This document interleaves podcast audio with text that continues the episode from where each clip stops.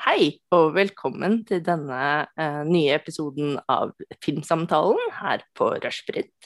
I dag har vi med oss vårt ja, skal vi si, affilierte medlem, Johan Fasting. Han har jo vært med oss en del før og både kåret uh, det beste av tiåret og også snakket om sine egne prosjekter. I dag har vi invitert Johan for å snakke om uh, den nye filmen hans som han har skrevet manus til, nemlig premiereklare Ninja Baby. Hallo, Johan. Hei, hei. God dag, god dag.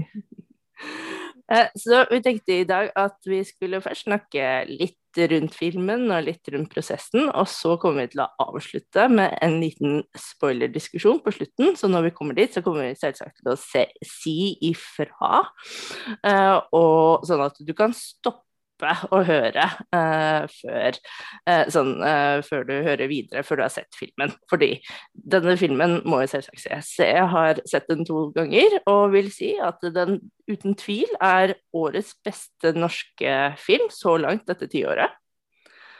Så Absolutt eh, anbefaler eh, på det sterkeste. Men ja, Johan. Eh, kan du kanskje ja. begynne med å snakke litt om hvordan du gikk i gang med dette prosjektet? Fordi dette her er vel et manus som kommer ut av en tegneserieroman kalt 'Falteknikk' av Inga Sætre. Og hun har jo også mm. vært med eh, på deler av manuset, hvis jeg ikke har misforstått? Uh, ja, altså det er jo Det begynte jo med Yngvild Flikke, uh, vår regissør, som uh, ville da Eller hadde lest fallteknikk og likte den veldig godt. Og så ville hun lage film av den, og tok med det til Nye Veier sammen med Inga. Eh, i et håp om at da gjennom Nye Veier-ordningen til eh, Norsk Filminstitutt, eh, hvor man kan få litt sånn utviklingsstøtte og så produksjonsstøtte på litt sånn lavterskelnivå, så kunne man lage en film basert på fallteknikk som Inga hadde skrevet. Og da var tanken til Yngvild at hun ville lage en film som kunne inkorporere animasjon, og på en måte hente, hente inn noen av de elementene som foreligger i Inga sine, sine ting. Da.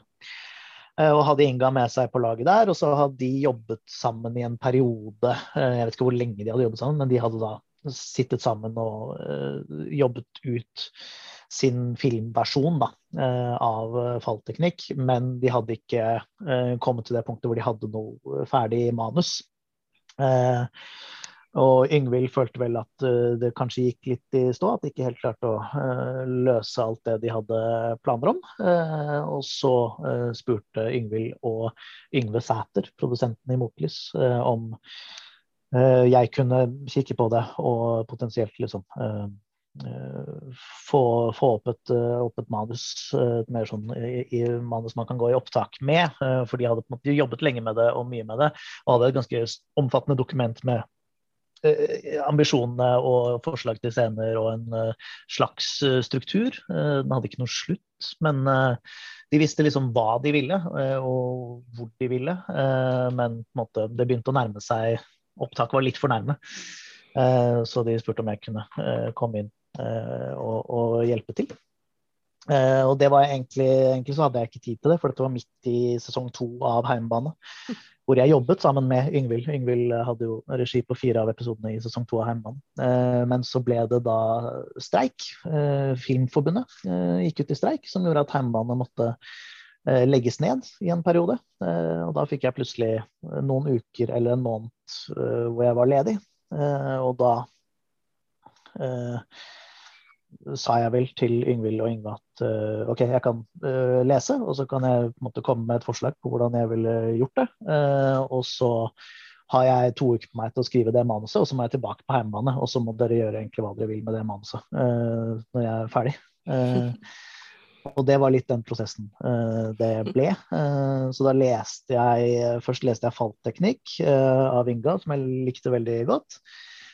Eh, og så leste jeg også den den ga ut i 2018, eh, som heter 'Det finnes en død etter livet'. som er en liksom, ja, videre, videreføring av noe av liksom, tingene i fallteknikk, som også er veldig fin og anbefales for de som ikke har lest den. Uh, og så leste jeg også da det uh, materialet som Yngvild og Inga hadde utviklet uh, i sin periode, som var et slags sånn treatment manusdokument med liksom blanding av ideer til scener og nye ting Inga hadde skrevet, tegnet og litt sånn forskjellige ting. Og så på en måte kokte jeg sammen min pitch da, basert på alle de tre tingene i hovedsak. Eh, så det er jo en, I hovedsak så er det, det, er en det er jo litt en adaptasjon av fallteknikk, men det er mest for min del en adaptasjon av Yngvild og Ingas adaptasjon av fallteknikk. på en måte. Eh, det er vel det jeg har tatt mest, mest utgangspunkt i. Eh, og så ja, så skjedde det jo en del ting der, men det skjedde ikke så fryktelig mye, egentlig. At hele den prosessen for min del var Jeg gikk gjennom de gamle mailene mine så at jeg fikk tilsendt fallteknikk og det materialet i 1.10.2018, eh, og så leverte jeg fra meg utkastet mitt 14.11.2018. Eh, så hele prosessen for min del har gått på halvannen måned da, med å lese alt og plotte ut og snakke med Yngvild og så skrive, skrive, utkastet. Og så er det på en måte Yngvild og Inga som har tatt det utkastet videre inn i opptak, og så har jo Inga vært med hele veien og gjort disse animasjonssekvensene og sånn sammen med Yngvild og Karen som har klippa det. Eh, så det var jo liksom prosessen sånn uh, adaptasjonsmessig. Og så er det jo en del sånne valg og sånt som har blitt tatt i løpet av de fire, fem, seks ukene der. som ble til den filmen som foreligger i dag, da. Mm. Så ja, fordi det har, det, det har, jo definitivt skjedd noe med den Rakel-karakteren fra eh, tegneserieromanen til filmen. Altså, I tegneserieromanen så er hun jo mye yngre, og så bor hun vel også i, på bygda, gjør hun ikke det? Mens i filmen så er jo Rakel i begynnelsen av 20-årene og bor i kollektivet i Oslo. Eh, var det en av de valgene du tok, eller var det allerede eh, tatt? Nei, det kom fra Yngvild og Inga, i hvert fall Yngvild, eh, at um, Yngvild ville Yngvild følte vel at å gjøre henne til en ufrivillig graviditet for en 16-åring. Eh, at det fort blir litt, litt tungt og litt uh, selvmedlidende. At Yngvild ville liksom lage noe som var litt lettere og mer energisk. Da. Så hun mente at hvis man skrur opp alderen på Rakel, uh, så kan man behandle den materien litt, litt luftigere på et vis. Eh, så det valget var allerede tatt. Eh, da jeg kom på, så var det nok fortsatt liksom en slags ambisjon om eh, Gjøvik eller noe lignende. Men det er bare av økonomiske årsaker ble det, det, er dyrt å flytte hele staben av skuespillerne til Gjøvik og deale med overnatting og sånn der. Så uh, når man har lite penger, så sitter man uh, i nærområdet. Uh, så hele filmen er jo i hovedsak spilt inn i det nabohuset til Motlys, altså produksjonsskapet Motlys. de liksom tok, hadde et sånt midlertidig kontorlokale som produksjonsdesigneren Tuva gjorde om til kollektivet. Så alt mm. er, alt er skutt, skutt nært. Eh, for vi møter jo en del utrolig eh, fascinerende og gode eh, karakterer, syns jeg. Veldig Altså når jeg så filmen første gang, så tenkte jeg oi, dette her er alle mennesker jeg tenker at jeg kunne ha møtt i liksom virkelig Oslo. Altså at alle føles som helt vanlige mennesker, og kanskje litt Og ikke som filmkarakterer. Altså hvordan um, jobbet dere med å få til denne veldig autentiske uh, følelsen av mennesker, og ikke karakterer? uh, nei, det vet ikke om jeg har noe godt, godt svar på det. Altså, Rakel, Rakel fins jo ganske veldig mye kjøtt på beinet til Rakel i det materialet som foreligger uh, i fallteknikk og sånn.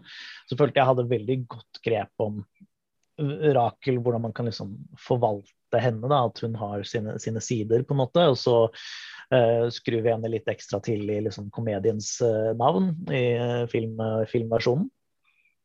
så der var det veldig lett å finne måte, denne unge jenta som snakker fritt om kropp og sex og har liksom bemerkninger om livet og er litt sånn rotete, men liksom veldig tydelig og ja, kompromissløs på et vis.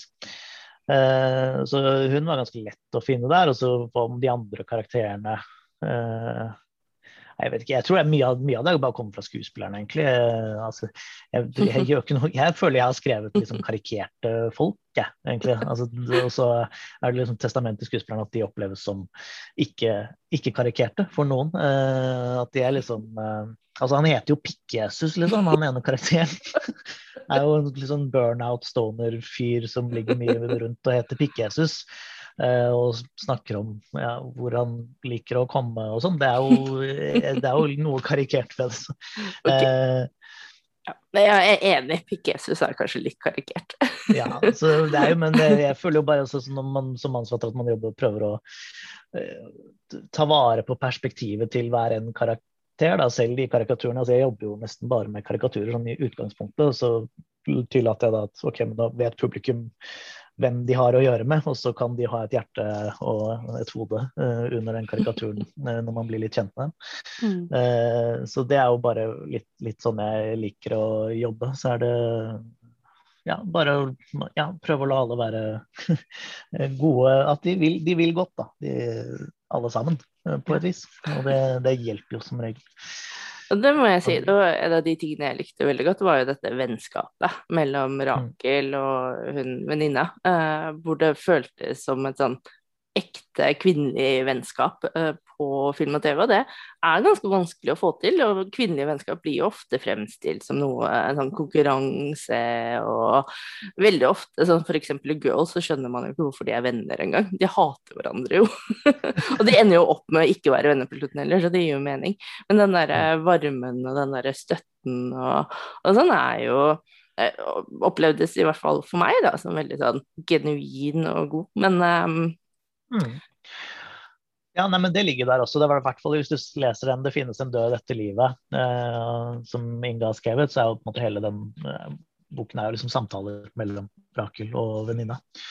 Eh, så det er på en måte den der liksom feelingen av en sånn jentevennskap, og man bare henger rundt og snakker om alt mulig helt åpent og ufiltrert, liksom, var en ganske sentral del av hele hele prosjektet. Uh, og Yngvild vil jo egentlig ha mer av det. Det var en av de tingene jeg uh, kappet litt i da jeg kom inn, uh, var hvor mye jentevennskap er det plass til for å liksom løse denne, denne narrativen. så jeg har liksom kappet, kappet den litt, litt, ned, men det er fortsatt en veldig sentral del av liksom det derre Inga-universet. Mm. Som er viktig, viktig, å ha med.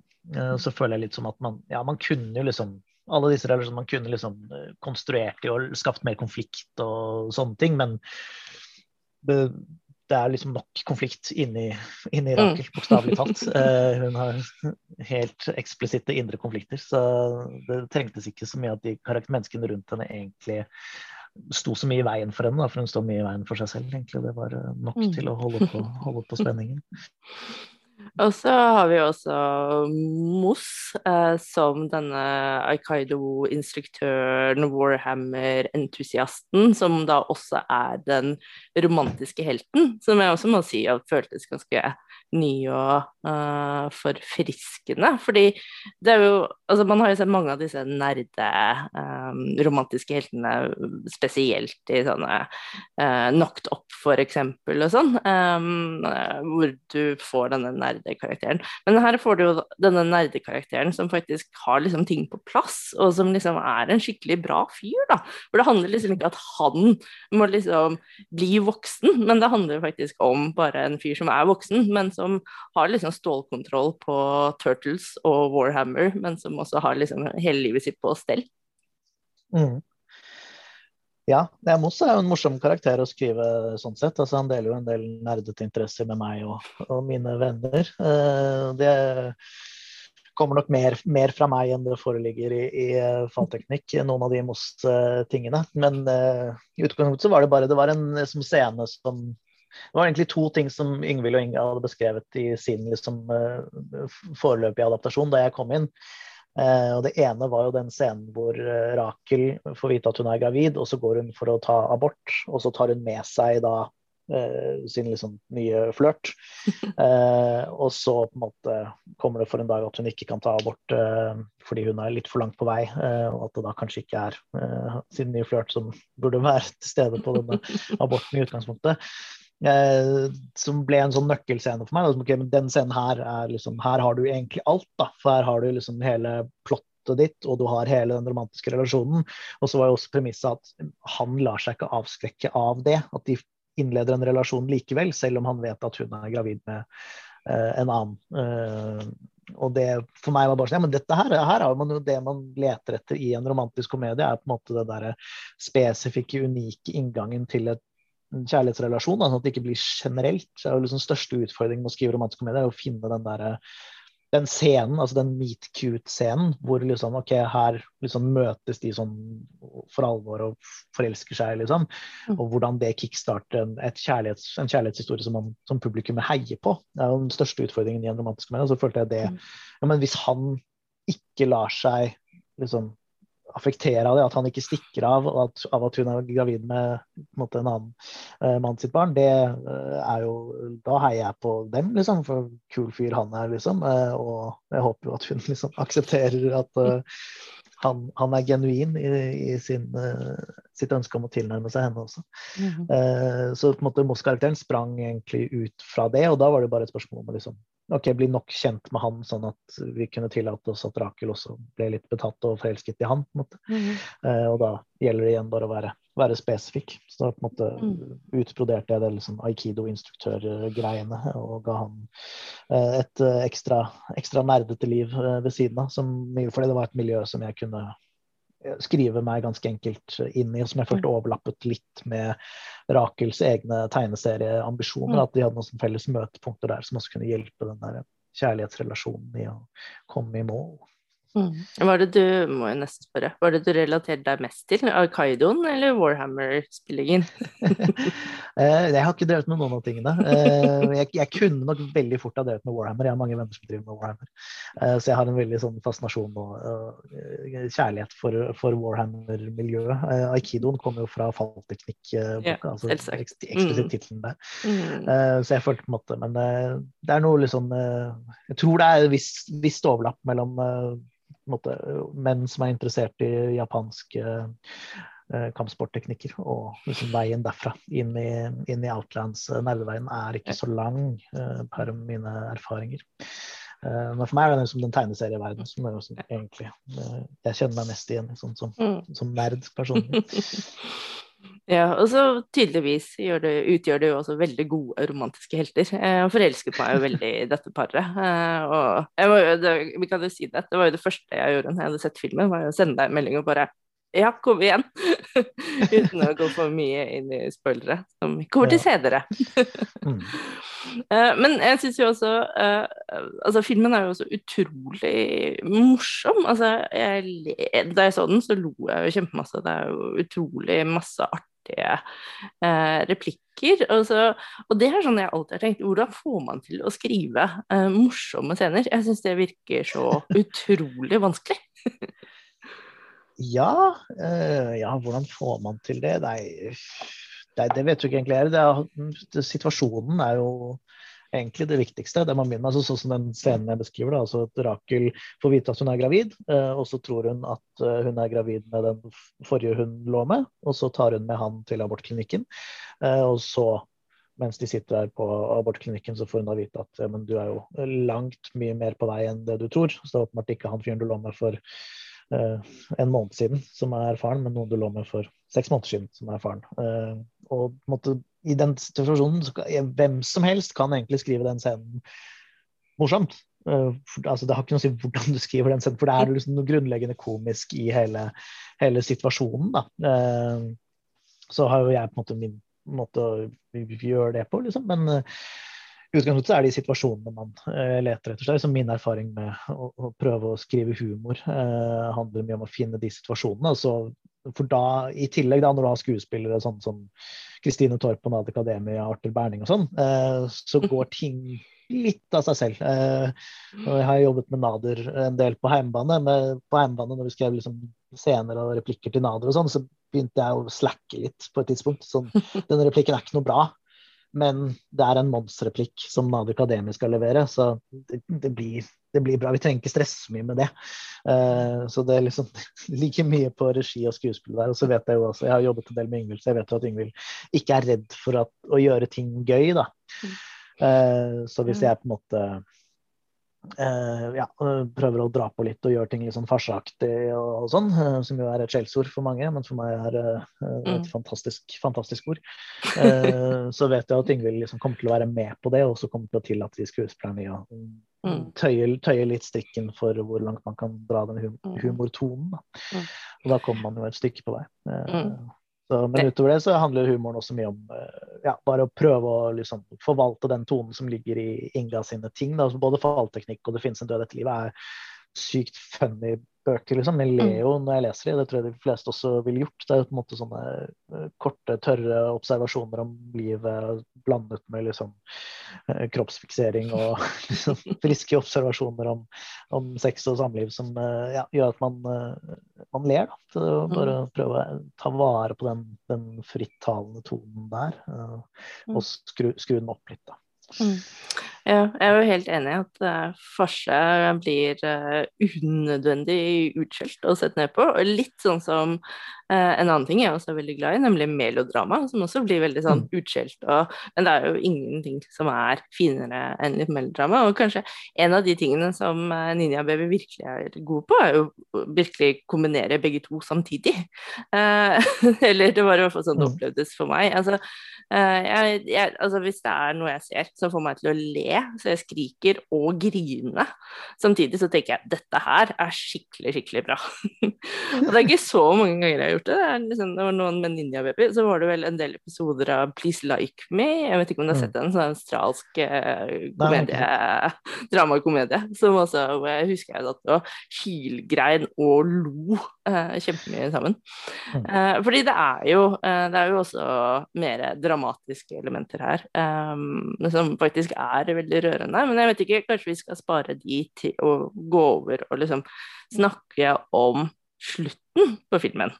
Eh, sånn at vi avslutter den vanlige delen nå, og så kan vi eh, gå over på å eh, spoile litt og virkelig gå inn i filmen her. Så hvis du da ikke har sett Ninja Baby ennå, så anbefaler jeg deg å bare, bare gå inn ja? først bare må si det, for dette var liksom, eh, vi har fått noen anmeldelser og sånn.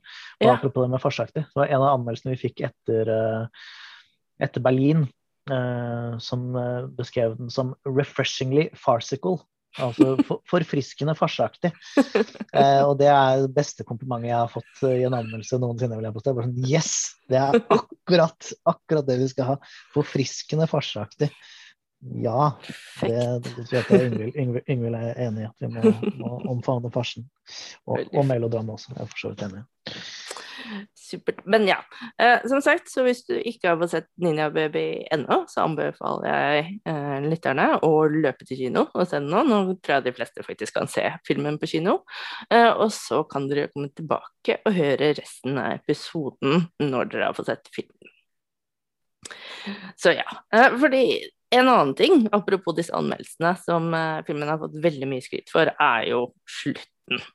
Uh, har du lyst til å liksom, snakke litt om den? Fordi den har jo blitt omtalt som veldig unik og original og spesiell og fin og overraskende og alle ja. disse adjektivene, positive mm. adjektivene. Ja, nei, altså for meg så er jo den ganske, ganske avgjørende. Eh, også litt selvfølgelig på et vis. Da. Altså, for vi skal snakke i kortene, så handler det om at eh, Hvor skal, skal man begynne? At eh, Rakel blir gravid. Eh, og har jo ikke lyst til å være gravid, så hun vil ta abort. Eh, men hun får ikke lov å ta abort fordi hun er mye mer langt på være gravid enn hun forventet. Og er jo da seks måneder på vei, eh, og må da finne ut hva skal hun gjøre med dette, dette barnet når aborten er ute av bildet. og det er, også, det er også, noe som kommer fra, fra Yngvild. Yngvild ville unngå abortspørsmålet. Så i det materialet jeg fikk, så hadde de på en måte begynt å jobbe med ideen om at Rakel skulle være tre-fire måneder på vei. Eh, for å på en måte eh, Ikke at det skulle bli en sånn abortdebatt, eh, og hvordan skal man håndtere sånn, eh, den, den, saken. Fordi altså, du får et annet problem, og hvorfor i all verden tar ikke Rakel bare eh, abort hvis hun er en litt mer voksen 23 år gammel kvinne, og ikke en 16 år gammel jente. Eh, så på en måte de hadde lagt til det for å ta ut det abortspørsmålet. Og så syns jeg det var en veldig god idé. Og så foreslår jeg også ja, men da kan man ikke skru opp det ganske mye. Eh, så jeg vil jo egentlig komme oss opp til at hun er eh, Jeg vil foreslå at hun kan være åtte måneder på vei. Og så jeg så en reality-serie om sånn der Wow, whoops, I accidentally gave birth. Sånn masse amerikanske kvinner som bare har gått ni måneder, og så begynner fødselen, og så var de ikke klare klar over det. Eh, så på en måte, jeg visste jo at det, det skjer. Eh, så det fins jo forelegg for dette i, i, virkeligheten. Så jeg får argumentert for det. Og så mente Yngvild, som jo har vært gravid, eh, at det ble litt i drøselaget. Så vi liksom forhandlet oss litt frem og tilbake. Og så sa jeg, skrev jeg vel syv måneder i mitt utkast, og så ble det seks måneder på, på film. Men poenget med hele det er jo at ja, hvis hun ville ta abort men ikke får lov til det, hva gjør hun da? Fordi da er det ikke en selvfølge at hun da skal beholde barnet. Da vil jo eh, Rakel velge det neste skrittet, som er ok, hvis jeg ikke kan ta abort, da er det, hva er det neste man gjør da, eh, hvis man ikke vil ha barn? Eh, som jo er det som kanskje der hvor vår film skiller seg mest fra fallteknikk-romanen er jo altså, I, i måte romantinga så følger man bare graviditeten som et slags rammeverk gjennom eh, vel ni måneder. Mens hos oss blir jo den graviditetsproblemet eh, blir jo et filmplott. En sånn klassisk filmplott hvor en Rakel får et problem om å løse det problemet. Uh, så da var det liksom logisk ok, hvis hun ikke får ta abort, så må det neste hun gjøre, da må hun se på om hun kan adoptere den bort, eller så må hun se om hun har noen i familien som kan ta vare på det barnet uh, for henne, eller liksom hvilke løsninger kan hun uh, kikke etter, da, som ble liksom strukturen på hele filmen. men da når man legger opp sånn, et sånt plott, så må man jo også løse det plottet ved, ved veis ende. og da velge til slutt ok, hun har prøvd å få man si, kvitte seg med denne ninjababyen eh, gjennom hele filmen. eh, så må man på slutten velge skal hun da få en eller annen åpenbaring og innse at jeg skal bli mor til dette barnet, eller skal hun liksom lykkes med sitt prosjekt i å gi bort eh, babyen. Uh, og det var liksom veldig åpenbart for meg. For meg, jeg, det eneste slutten jeg vurderte, var den som ligger i filmen nå, hvor hun Eh, står på sitt og sier jeg vil ikke uh, ha barn, jeg vil ikke bli mor. Uh, og det var liksom også litt sånn uh, hovedgrunnen egentlig til å lage filmen, for min del, er å få muligheten til å fortelle, fortelle en historie hvor man normaliserer valget om å ikke bli en mor og ikke få barn. at det liksom, Populærkulturen har egentlig skapt et problem for mange unge kvinner i å liksom fortelle dem at meningen med ditt liv er at du på et eller annet tidspunkt skal finne deg en mann og bli mamma. liksom, At det er ekstremt uh, reduktivt. da. Mm. Uh, jeg kan jo si, det, er jo, ja, det er jo ikke bare populærkulturen som sier det til kvinner, det er jo hele samfunnet. det, det, kan du trygt si. Uh, så jeg på en måte følte at hvis man først skal lage en film om en graviditet i 2021, som jo har blitt gjort mye, liksom, så må man jo sørge for at man har noe å komme som føler at man ja, rettferdiggjør vår, vår, plass i medielandskapet. Og det var det for meg da, ganske, ganske sånn viktig, viktig, moment å prøve å ja, nettopp normalisere eh, det å, å, velge å ikke få barn. At det er eh, helt, helt, helt legitimt, da, og for mange også det, egentlig det viktigste. Eh, og vikt, viktigste valget man kan ta. Eh, så ja, det var litt sånn, sånn derfor vi, vi, vi, endte opp der. Eh, sånn som det var. Så jeg tror ikke Yngvild og Inga var liksom, De var ikke uenige i det, de, de heller. Mm. Og så kan man jo si at det som skjer, er jo at uh, ninjababyen uh, ender jo da opp hos pappaen, fordi det er jo en del alternativer uh, der gjennom uh, filmen som settes opp. Altså man har jo en søster som er villig til å adoptere Uh, en hysterisk morsom scene, syns jeg, er jo når Rakel drar på dette adopsjonsforberedende kurset. Mm. Uh, som er jo en helt fantastisk morsom scene. Uh, så det, det, den, den, det, alternativet blir jo utelukket ganske tidlig. ja. Og så har du jo da det som egentlig er jo det mest åpenbare, er jo da at pappaen tar eh, barnet og oppdrar eh, barnet og tar foreldreansvaret. Mm. Denne Pikk-Jesus viser seg jo eh, faktisk å være en strålende pappa, ser det jo ut som, som er i stand til å gi dette barnet et fantastisk liv. Eh, så, du, så, jeg tenkte når jeg så den, så var det bare det at det, det fantastiske liksom liksom feministiske premisset, da, at man tar det derre Ja, det er faktisk greit for kvinner å ikke ønske å bli mor. Eh, men samtidig så har du også det at du man, Filmen sier jo også, og det er også Fedre er jo helt like gode eh, som foreldre eh, som mødre. Altså, man trenger jo ikke ha en mor. Altså, det er vel faktisk Det blir vel sagt der. Altså, han uh, Are, som han vel egentlig heter, ja. sier vel Ja, men det er jo sånn spesielt bånd mellom mor og barn, men så blir det mm. på en måte det bare liksom avvist, da. At det er jo like sterkt det båndet mellom en far og en datter. Mm. Ja, ja. Nei, det var også, det, det diskuterte, diskuterte, sikkert litt uh, løsninger, men jeg tror det var ganske uh, naturlig at uh, ja, Pikk-Jesus uh, skulle ende opp med å ha en eller annen åpenbaring. At han får den der åpenbaringen som vanligvis er tilegnet denne kvinnen som ikke vil ha barn. Det var liksom Ja, det føltes som det mest interessante, også det morsomste, egentlig. Altså, ta vare på litt av komedien underveis der i denne reisen foran. Ja, så løser vi det litt sånn kjapt, kjapt og gæli, eh, den, den vendepunktet Men det, det, tenker jeg bare er eh, Jeg syns det er bare gøy, men eh, det er, ja, det er viktig. Snu litt på kjønnsforventningen. Det, det som er jobben ofte. Ja, rett og slett. Det er jo Ja, fordi det er jo Og det har jo filmen fått veldig mye skryt for også, er jo dette liksom, feministiske eh, prosjektet. Så at eh, jeg leste akkurat eh, den hederlige omtalen fra Berlinalen, så ble jo det trukket eh, frem, så jeg. Altså dette mm viktige feministiske prosjektet som filmen da har. Kan jeg spørre deg, Hvordan er det for deg som mann å skrive disse kvinnekarakterene? Dette her er jo absolutt ikke den første eh, virkelige komplekse, spennende, interessante, menneskelige kvinnekarakteren du har skrevet. Ja, er, hvordan er det for meg? Nei, For meg så er det ikke noe, det ikke noe forskjell på å skrive mannlig og kvinnelig karakter, egentlig. Eh, så det er bare, altså Når det kommer til sånne ting som graviditet og sånn, så må man jo Men altså, for meg så er det jo også en trygghet her i at jeg visste at Yngvild og Inga skulle liksom fullbyrde eh, prosjektet. Eh, så da jeg skrev det manuset, så dro jeg jo ting ganske langt. Eh, og så tenkte jeg liksom hvis jeg tråkker noen kvinner på tærne nå, eh, så kommer jo de til å måte filtrere det potensielt.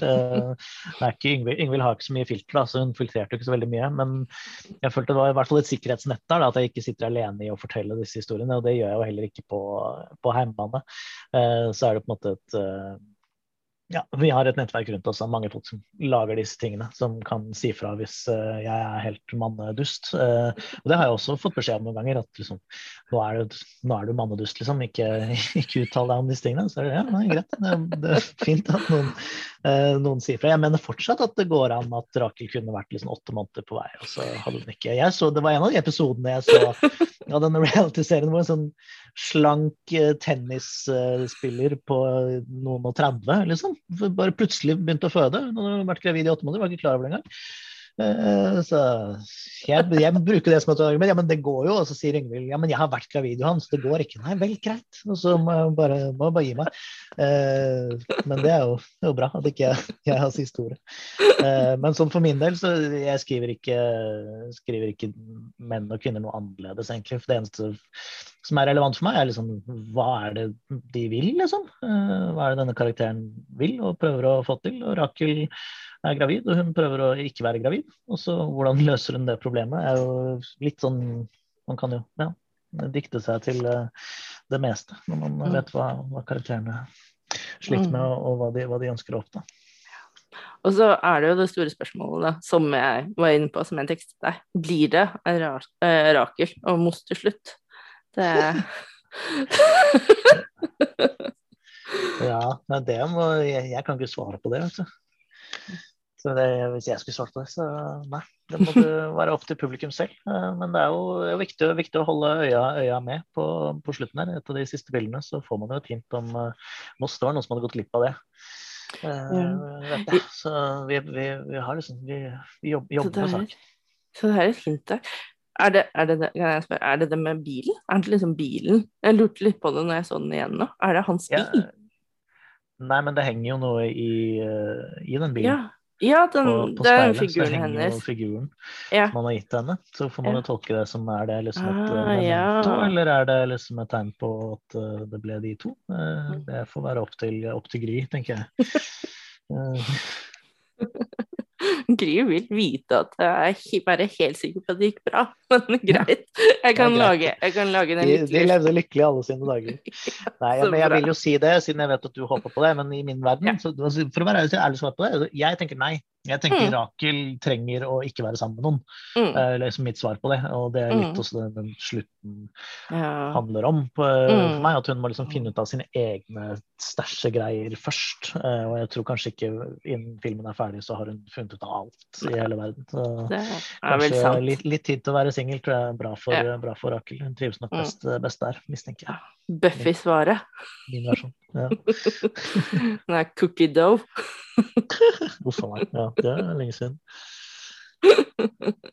Men ja, du har vel rett i det. det vel, men det ser jo ut som det går bra med Rakel på slutten. Da hun får gitt ut denne tegneserieromanen. Denne andre mm. babyen, kan man jo kanskje kalle den.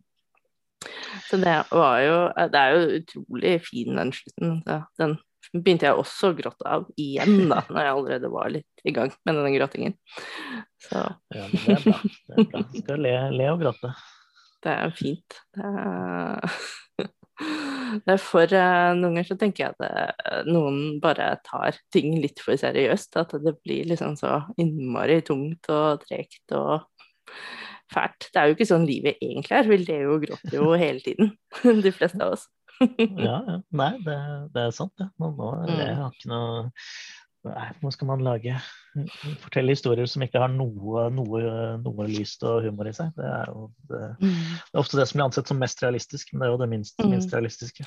Ja, og spesielt eh, så har jo det vært et problem. Det er fullstendig digresjon, men dette med TV-serier de siste årene, så har det jo vært jo mer mørkt og gritty og seriøst, jo høyere kvalitet har man liksom ansett at uh, serien har. Og så, det er jo helt feil. Altså, når man ser på liksom de store klassikerne, så har jo Sopranos og The Wire og alle disse seriene har jo Mad Men og alle disse har jo kjempemasse humor. Og en del av de har jo rett og slett sånn farsescener uh, også, som uh, så, det jo, så, det er jo, en del. og en viktig del. Jeg syns det, det, er viktig å forsvare komedien. Komedien er liksom under, under angrep, føler jeg. Mm. I hvert fall i, hvert fall, jeg er veldig glad for å jobbe med Ingvild, fordi hun liksom er ikke noe redd for å si vi lager komedie. Jeg vil, jeg vil lage en romantisk komedie, og så mm. går hun for det, liksom. Og så mm, er jo det positivt. For jeg føler det er litt mye som, i hvert fall også i Norge, så er det liksom dette begrepet som eh, har fått fotfeste, som heter humordrama. Eh, det på en måte provoserer meg noe helt hinsides. Det er laget en del fine ting som på en måte går under det får den labelen humordrama, sånn Pernie og sånn. Men bare det mm. at det er et begrep som vi i det hele tatt bruker, er bare for meg liksom eh, destruktivt. Da. Eh, fordi nei, men det er, ikke, det er lag komedie. Hvis du mm. skal lage humordrama, så sier du bare at jeg skal lage en komedie, men den trenger ikke være morsom. Mm. Den kan bare være litt sånn morsom innimellom. Du kan humre litt. Og så er det liksom man bare fjerner fallhøyden litt. Da man liksom sier ja, men, ja, men det, skal, det er ikke noe farlig hvis du ikke syns den vitsen var morsom, fordi det er ikke meningen at du skal le så veldig mye. Du skal bare le litt. eh, så vi lager humordrama. Det er mest sånn ja, men alle, alle de bra komediene har masse drama i seg. Du trenger ikke liksom potte på den der drama-labelen. Du kan si komedie, og så kan du lage komedie, og så kan du prøve å være morsom, og så kan du heller mm. løpe risken ved at noen ikke syns det er gøy. Da tror jeg vi har, uh, har godt av litt oftere. Mm. Det er jeg helt enig i.